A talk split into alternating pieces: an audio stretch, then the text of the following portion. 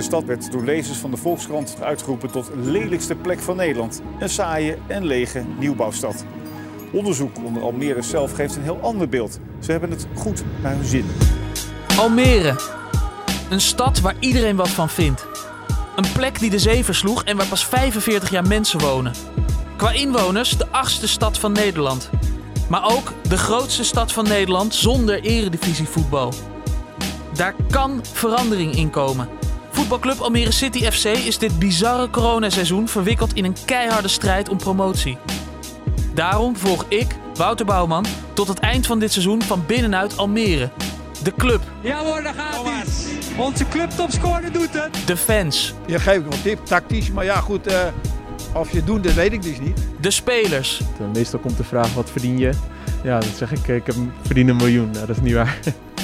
de trainers maar we moeten wel gelijk worden. Lekker boys. en de stad. In de podcast Promoveren met Almere.